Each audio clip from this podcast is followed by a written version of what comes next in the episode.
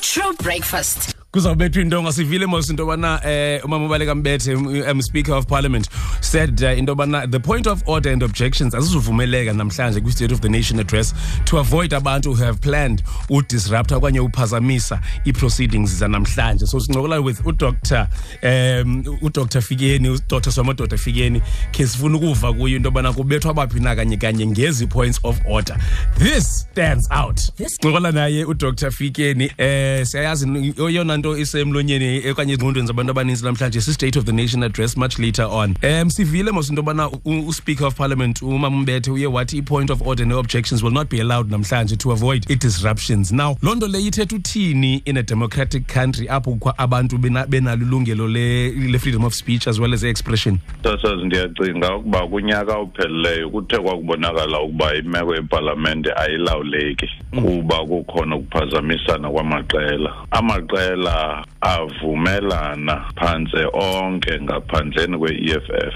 ngelithi ngeke makulungiswe le ndlela kusetyenziswa ngayo kubekho imithetho ethile yes. kuba kaloku kuyawubonakala ukuba elona qela likwazi ukuphazamisa kakhulu lilona lawubonakala ngathi liphila lodwa epalamente mm. kukweso sithuba ke abaye baziguqula okanye bazitsolisa iindlela zokusebenza kwepalamente endicingayo ke ukuba ukuphazamiseka kwentetho likamongameli ivele kweso sithuba mm. kuba kaloku akube egqibile ukuyenza intetho yakhe kuba khona phantse iveki yonke yokuba ke amaqela akhwele ezenyukela kuloo nto ebeyithethile embuza yes yiloo nto ke ndicingayo into yokuba bavele naloo mba bakube bebonile into yokokubana kukhona nokuhlazeka kwihlabathi lonke kuba ukuvulwa kwepalamente kuziwa ziiambasada yes kubizwe neendwendwe ezithile zizowubona ke ubunyulu bethu zethu zizobona amabibi ethu evelile nasezithivini yonke into loo nto idala uba namathemba abantu kwidemokhrasi ehle now so obviously ivumelekile ngokwemithetho yasepalamente le nto lena um now ingaba ngoku esenzo asijongeli phantsi mhlawumbi okanye sifayele ithi amalungelo abantu